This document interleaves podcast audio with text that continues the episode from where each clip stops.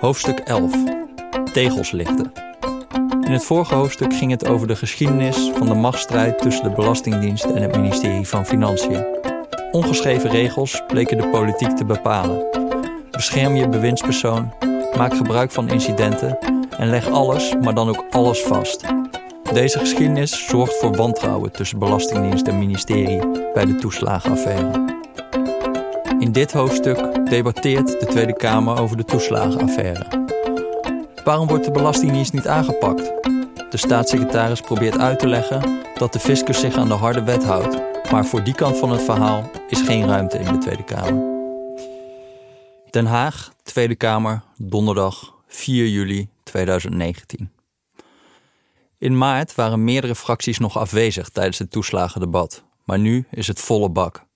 Vrijwel iedere partij heeft een Kamerlid afgevaardigd. Op het programma de brief van Menno Snel. Hij schrijft dat hij tot inkeer is gekomen en op zoek is naar een oplossing. De meeste Kamerleden weten de dader precies aan te wijzen in deze zaak: de Belastingdienst. Alle aantijgingen die in de media zijn langsgekomen passeren nog eens de revue. Er gingen dossiers naar de rechtbank die onvolledig waren, waar stukken die de ouders zouden vrijpleiten uit weggelaten werden, al dus Renske Leijten van de SP. Willens en wetens. Pieter Omtzigt stemt in. Vijf keer reed de Belastingdienst met 150 km per uur door rood. Met oogkleppen op is men door muren blijven rennen, zegt ook Steven van Weyenberg van D66. Van begin tot einde fout, oordeelt Renske Leijten nogmaals. De Kamer is voorgelogen, journalisten zijn voorgelogen. Ook de opiniepagina's zijn in de aanloop naar het debat gevuld met verontwaardigde stukken over het optreden van de Belastingdienst. Een wetteloze bende, priest de columnist Stevo Akkerman in Trouw. Een wandaad gevolgd door een doofpot, stelde Sheila Sitalsing in de Volkskrant. De Belastingdienst probeerde ouders te verpletteren, schreef Trouw in een hoofdredactioneel commentaar. Wie tijdens het debat ook maar iets naar voren brengt dat niet past binnen het plaatje van één hoofdschuldige, kan rekenen op een stortvloed aan kritiek. Als Steven van Weyenberg de staatssecretaris vraagt of de commissie Donner ook de opdracht moet krijgen om naar de wet te kijken, krijgt hij een woedende Farid kan van Denk op zijn dak. Ik begrijp niet waarom we gaan kijken naar een wet die door de ambtenaren totaal niet is nageleefd, zegt hij. Wat willen we daarmee bereiken? Dit had daar niets mee te maken. Als Bart Snels van GroenLinks zijn bijdrage begint door de Bulgarenfraude in herinnering te roepen, krijgt hij de wind van voren. Ik vind het bizar, zegt Renske Leijten. Hier heeft de Belastingdienst zichzelf boven de wet gesteld, dan doet de politieke context er niet toe. Leijten krijgt meteen bijval van omzicht. Ik ben nogal verbaasd door de inbreng van de heer Snels, zegt hij. Vijf jaar lang is hier de wet genegeerd. Het is toch wel heel raar dat hij nu naar een andere kant wijst. Op dat moment doet staatssecretaris Menno Snel een voorzichtige poging om wat context te bieden. Ik snap hoe ingewikkeld het is als ik weer terugga naar het was 2013 of het was 2014. De heer Snels van GroenLinks deed dat ook en dat kwam hem meteen op interventies te staan, dekt hij zich in. Maar dit was in een tijd dat er een beleid was waarbij men vond dat je heel stoer moest optreden tegen mensen die potentieel fraudeerden. Renske Leijten interrumpeert de staatssecretaris. Dat het harde optreden een politieke wens zou zijn geweest, durf ik te betwijfelen. Maar mijn vraag is eigenlijk de volgende.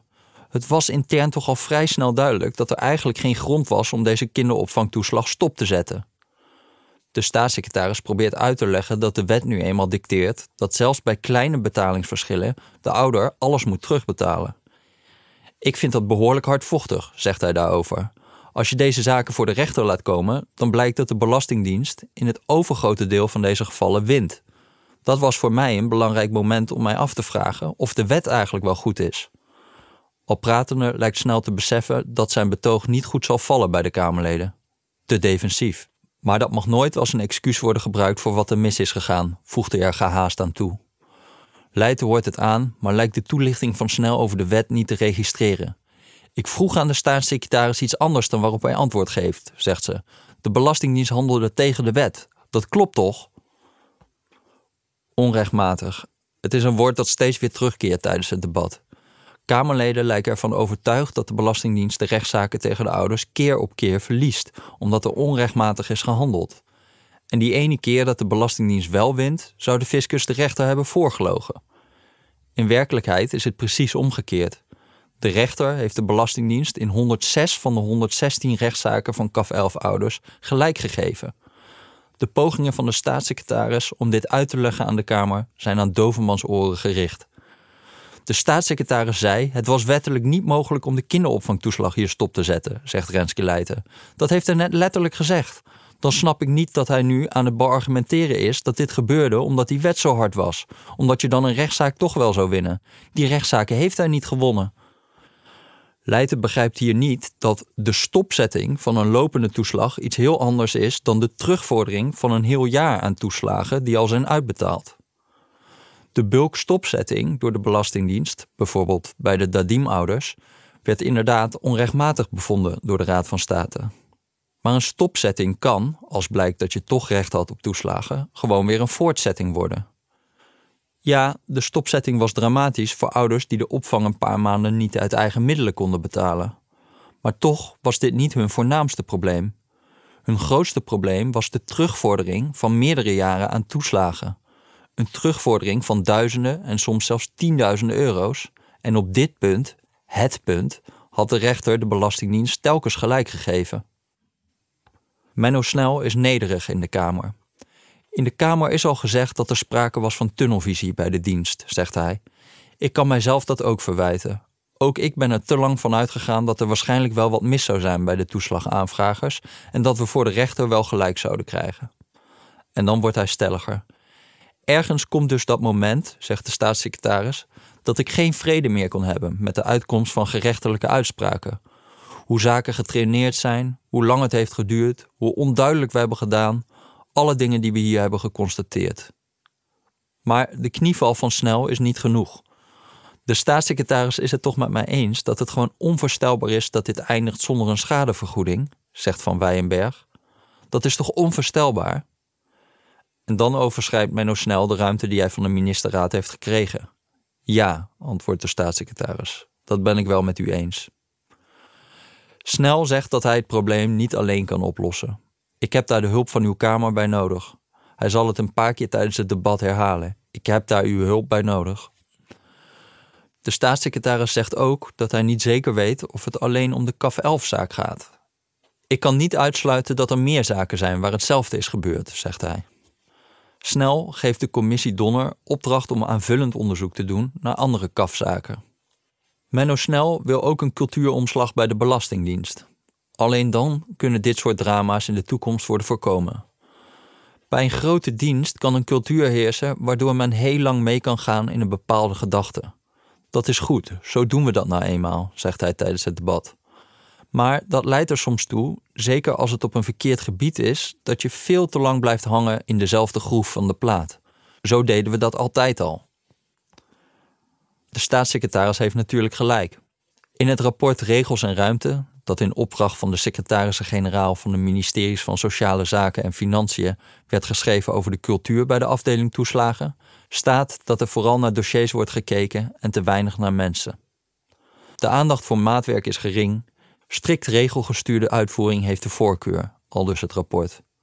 Het middenmanagement lijkt vooral te sturen op rechtmatigheid, het voorkomen van precedentwerking, het behalen van productienormen en een stringente opvolging van werkinstructies. Medewerkers ervaren weinig beslisruimte.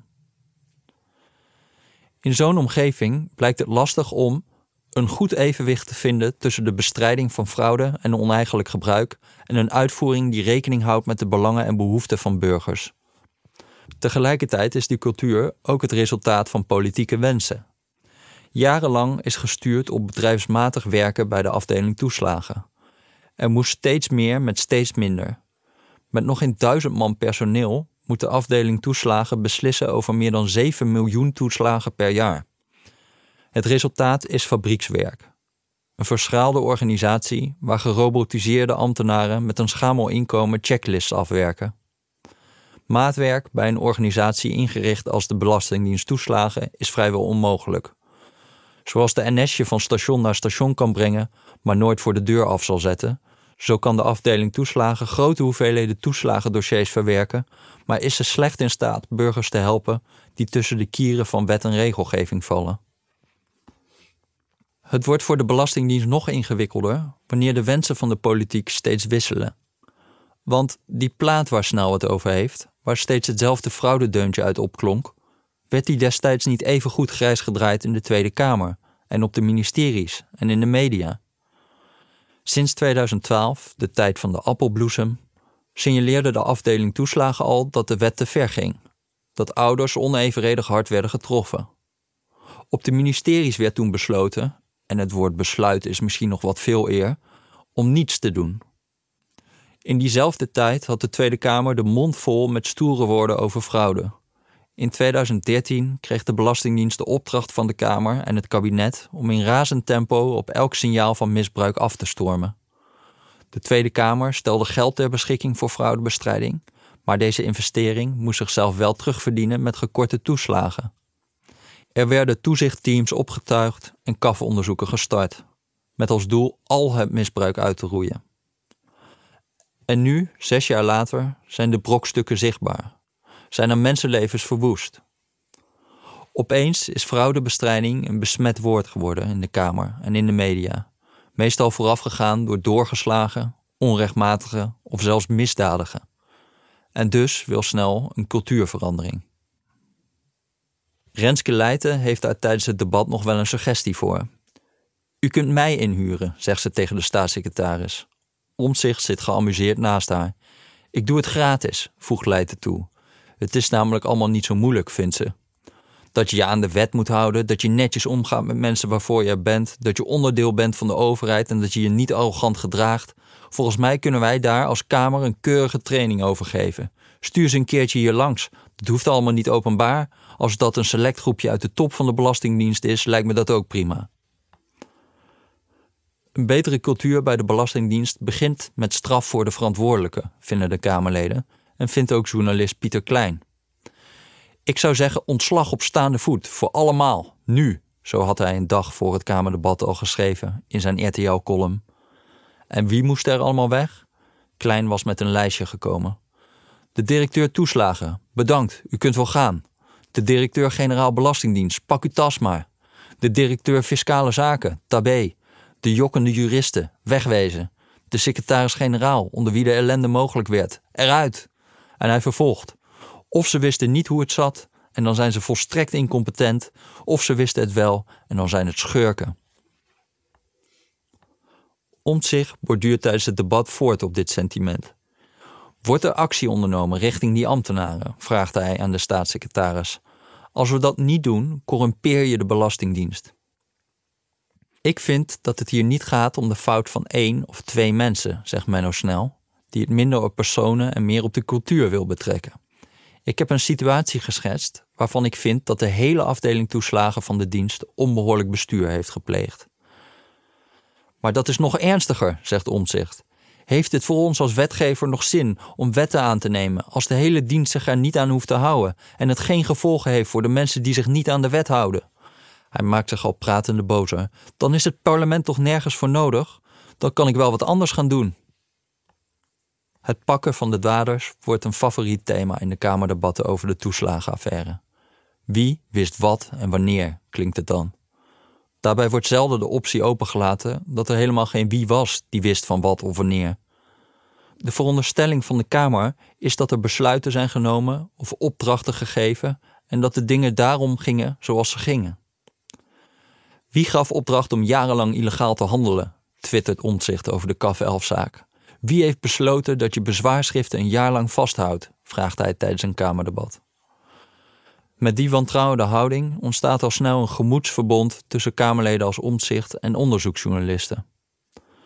De belangrijkste prijs in de Nederlandse journalistiek heet de Tegel, naar het boek Tegels lichten uit 1972 van journalist Henk Hofland.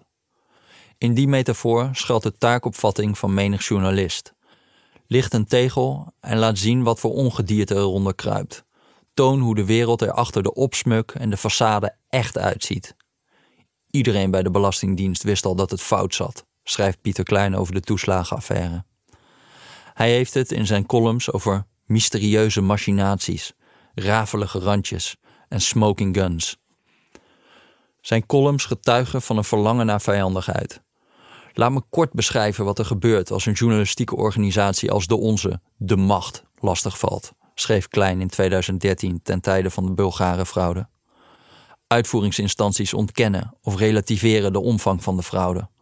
Politiek verantwoordelijken suggereren dat het hun volle aandacht heeft en dat ze er bovenop zitten. Ondertussen krijgen wij woedende woordvoerders aan de telefoon die intimideren, met hel en verdoemenis dreigen. Waarom? Omdat je drukt waar het pijn doet, omdat je ontmaskert. En dat wordt politiek niet opportun geacht. Klein is niet de enige.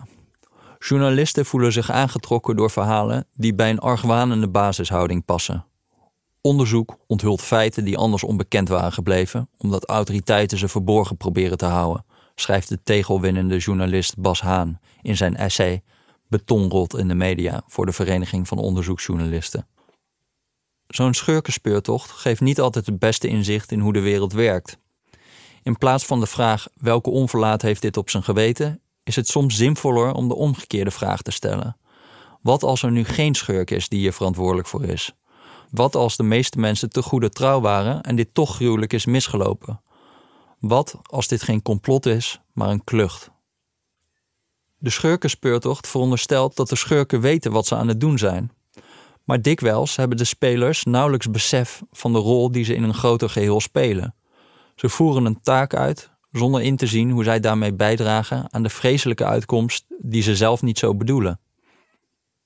Mensen bewegen zich binnen de marges en mores van hun functie als inspecteur, bezwaarbehandelaar, ambtenaar, minister, staatssecretaris, kamerlid of journalist. Maar als deze marges en mores nooit in beeld komen, dan blijven de lezer en de kijker achter met onbegrip. Onbegrip over waarom er toch zoveel slechte mensen op zoveel belangrijke plekken rondlopen. Terwijl het met een beetje inlevingsvermogen vaak best valt te begrijpen waarom mensen doen wat ze doen. Toch is de whodunit de favoriete vertelvorm van menig journalist. De whodunit biedt de kortste weg van onrecht naar verklaring. Het gaat fout omdat iemand wilde dat het fout ging. Het is het voorjaar van 2019. Al jaren houdt Pieter Omtzigt zich als Kamerlid bezig met de in zijn ogen excessieve belastingvoordelen voor semi-elektrische auto's. En niet ten onrechte. In 2013 verscheepte Mitsubishi maar liefst 20.384 dikke hybride SUV's richting fiscaal vriendelijk Nederland. Later zal blijken dat veel van de zakelijke rijders van zo'n Mitsubishi Outlander, in de volksmond ook wel Foutlander, de stekker lekker in de kofferbak laten liggen, zodat deze SUV in de praktijk fungeert als een benzineslurper. Vooral rijke, hybride SUV-rijders met een auto van de zaak profiteren van de belastingkorting voor semi-elektrische auto's en er wordt nauwelijks CO2 vermeden door het beleid. Met andere woorden, als je geld uitgeeft aan een groene zaak, dan kun je het misschien beter ergens anders aan besteden. Omtzigt heeft dit probleem al vrij snel in de gaten en hij dient vele amendementen en moties in om de belastingvoordelen in te perken. Dat mag niet baten.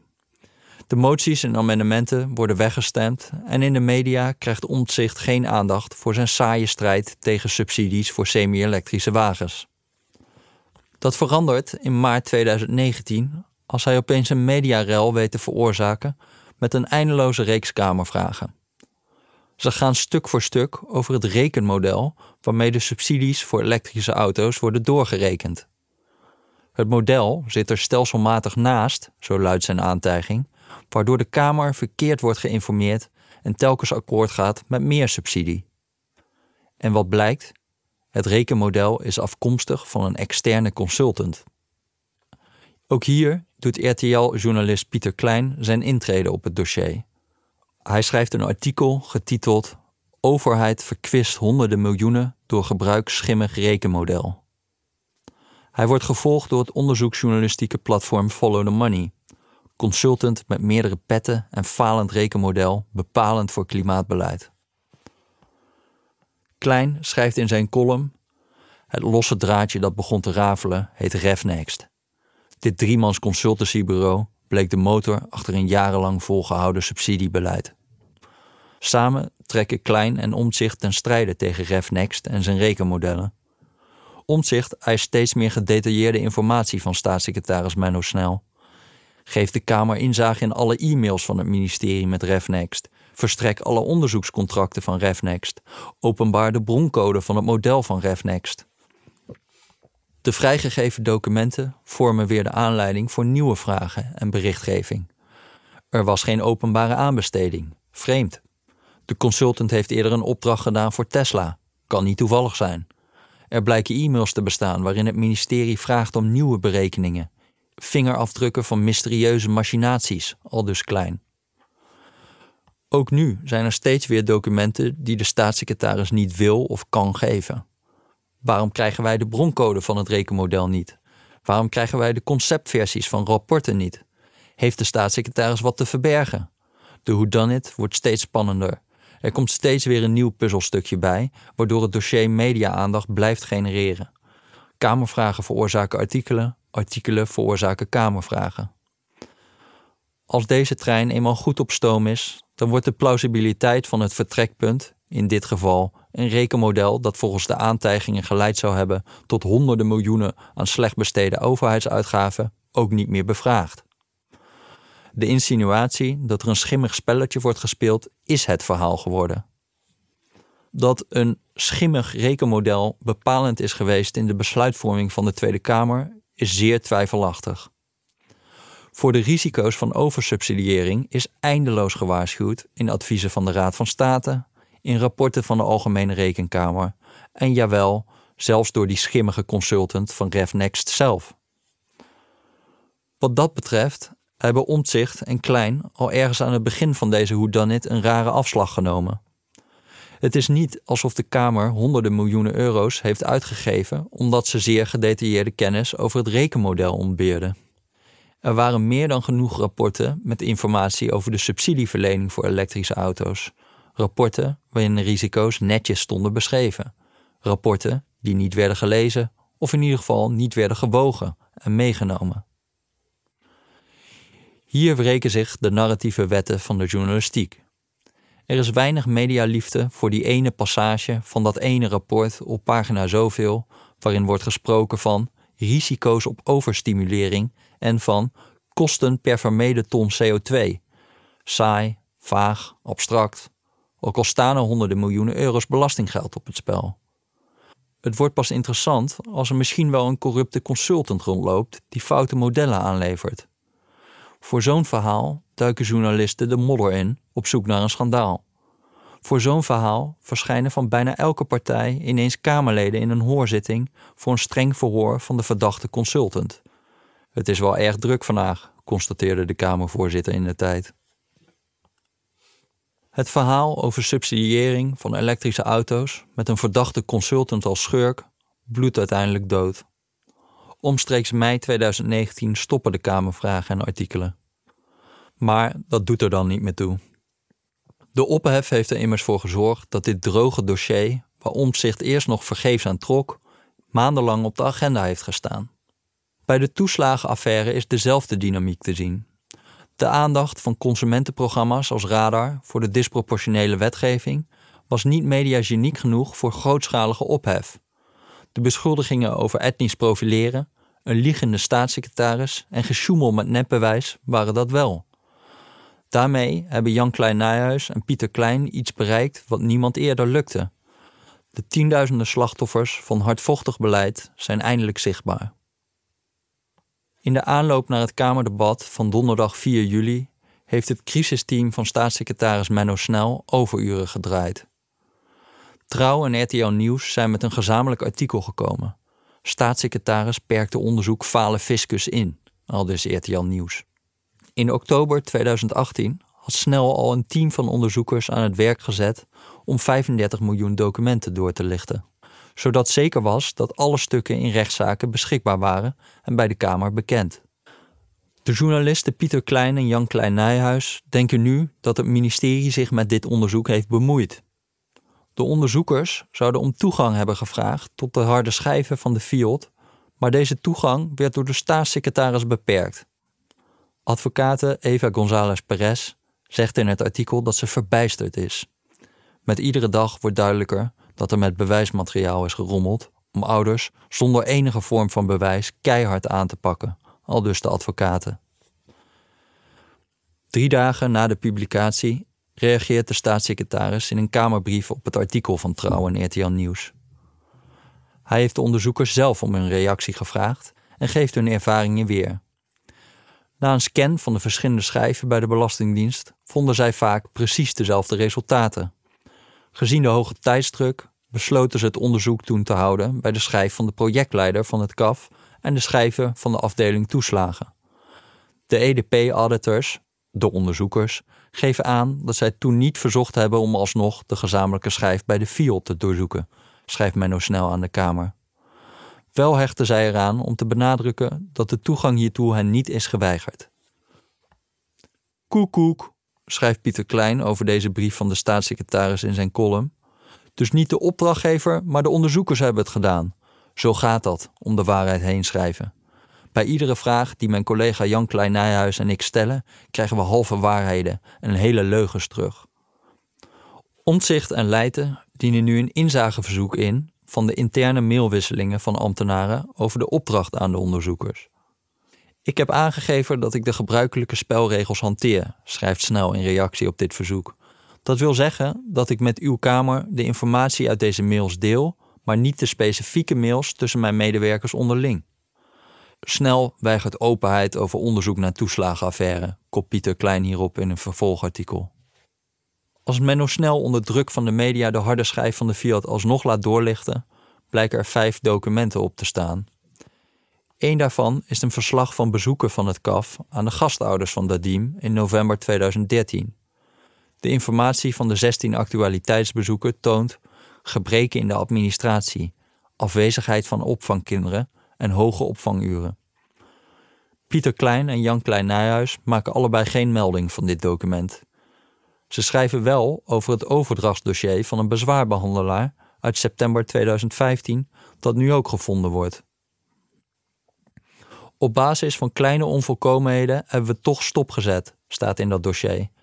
Bij bezwaarfase hebben we moeite met het instand houden van de beslissing, aangezien ze nogmaals informatie kunnen aanleveren en kleine onvolkomenheden moeilijk juridisch zijn te verdedigen.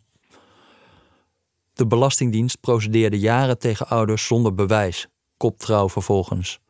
De Belastingdienst weet intern al sinds 2015 dat het stopzetten van kinderopvangtoeslag van honderden ouders onverdedigbaar was, schrijft Klein Nijhuis. Desondanks hield de fiscus ten opzichte van de ouders vol dat zij geen recht op toeslagen hadden, tot rechtszaken aan toe. In die rechtszaken werden zelfs stukken met voor de Belastingdienst onwelgevallige informatie achtergehouden om zaken niet te verliezen. Ik geloof er niets van dat dat document, de smoking gun, nu pas intern bekend wordt, schrijft Pieter Klein. Ik denk dat het geheim moest blijven. Trouw en RTL hebben natuurlijk gelijk dat uit dit overdrachtsdossier een vooringenomen houding spreekt. Toch kreeg uiteindelijk meer dan de helft van de ouders gelijk in de bezwaarprocedure, ondanks de vooringenomenheid van deze ene bezwaarbehandelaar.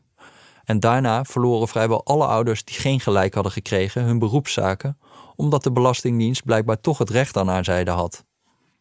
In het staartje van het debat van 4 juli 2019 proberen een paar Kamerleden staatssecretaris Snel te verleiden om niet alleen aan de ouders, maar ook aan het gastouderbureau Dadim excuses te maken. Ahmed Gukse en Eva González Perez zitten op de publieke tribune als het schouwspel zich ontvouwt. Er is een gastouderbureau belasterd, zegt Renske Leijten van de SP in de Kamer. Dat er fouten zijn gemaakt in de urenstaat en noem allemaal maar op.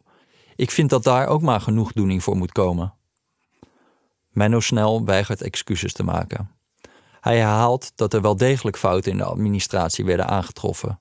Maar inderdaad, uiteindelijk was er geen aanleiding voor een strafrechtelijk onderzoek, aldus de staatssecretaris. Nee, na vijf jaar, roept Omtzigt hierop buiten de microfoon. Hij lijkt te denken dat het gasthouderbureau nu eindelijk erkenning krijgt. Hij stort zijn hoofd in zijn handen en kijkt veelbetekenend naar de publieke tribune. Na afloop van het debat sprak ik de ondernemer die vijf jaar voor rechtvaardigheid streed. We hadden allebei de tranen in onze ogen staan. Vijf jaar van je leven, zal Klein die week in zijn column schrijven. Opvallend is het wel. Ten tijde van de Bulgare fraude veranderde iedereen die een foutje maakte in een fraudeur. Nu is iedereen die geen veroordeelde fraudeur is opeens foutloos. Zijn er niet nogal wat tinten grijs tussen fraude en foutloos? Wanneer Menno Snel zegt dat er geen strafrechtelijk fraudeonderzoek is opgestart, betekent dat niet dat er dus niets aan de hand is. Wat zouden journalisten als Klein in 2013 hebben geschreven als zij erachter waren gekomen dat de Belastingdienst geen enkele controle had uitgevoerd, terwijl er bij een gastouderbureau urenstaten waren gevonden op data die niet bestonden? Wat zouden Kamerleden als omzicht hebben gevraagd wanneer RTL een reportage had uitgezonden over signalen dat ouders voor een oppassende opa of oma kinderopvangtoeslag aanvroegen voor 11 uur kinderopvang per dag en dat vijf dagen per week, 52 weken per jaar. In de weken na het debat maken Pieter Omtzigt en Renske Leijten de staatssecretaris duidelijk dat ze ambtelijk bloed willen zien. Farid Azarkan noemt zelfs, en dat is hoogst ongebruikelijk, in het openbaar de ambtenaren die volgens hem weg moeten. Kunt u toezeggen dat de algemeen directeur toeslagen bij de Belastingdienst als gevolg van de CAF-affaire strafontslag zal krijgen? De leidinggevende binnen toeslagen voorwaardelijk strafontslag en alle andere medeplichtige ambtenaren van de Belastingdienst een waarschuwing of berisping, schrijft als er kan in Kamervragen. Agaat Kleindert, de directeur toeslagen, zit dan pas een half jaar op haar post. Vermoedelijk doelt als er kan dus niet op haar, maar op Gerard Blankenstein, de voormalig directeur toeslagen en nu directeur MKB bij de Belastingdienst. Hij is ook een doelwit van omzicht en leiden. Onder zijn bewind was er veel misgegaan in de kafzaken. Tegelijkertijd had deze Gerard Blankenstein er bij het ministerie van Financiën ook herhaaldelijk op aangedrongen om de wet te wijzigen, zodat er niet zo hardhandig teruggevorderd hoefde te worden. In zijn managementteam toeslagen was er eind 2014 zelfs een plan gesmeed om de wet eigenhandig anders uit te leggen, zodat er meer maatwerk voor ouders mogelijk was. Uiteindelijk liep dat plan op niets uit, omdat er geen politieke rugdekking kwam. In de maanden na het debat van 4 juli komen in vergaderingen op het ministerie van Financiën de verzoeken van Kamerleden om ambtenaren te ontslaan meer dan eens ter sprake. De reactie vanuit de ambtelijke top is telkens hetzelfde. Op grond waarvan? We kunnen geen ambtenaren ontslaan op basis van beeldvorming. Verdenkingen onderzoek je en dan kunnen maatregelen worden genomen. Staatssecretaris Menno Snel zal niet toegeven aan de druk van de Kamer om ambtenaren de laan uit te sturen. Ook al weet hij dat hij daardoor zelf in het vizier zal komen.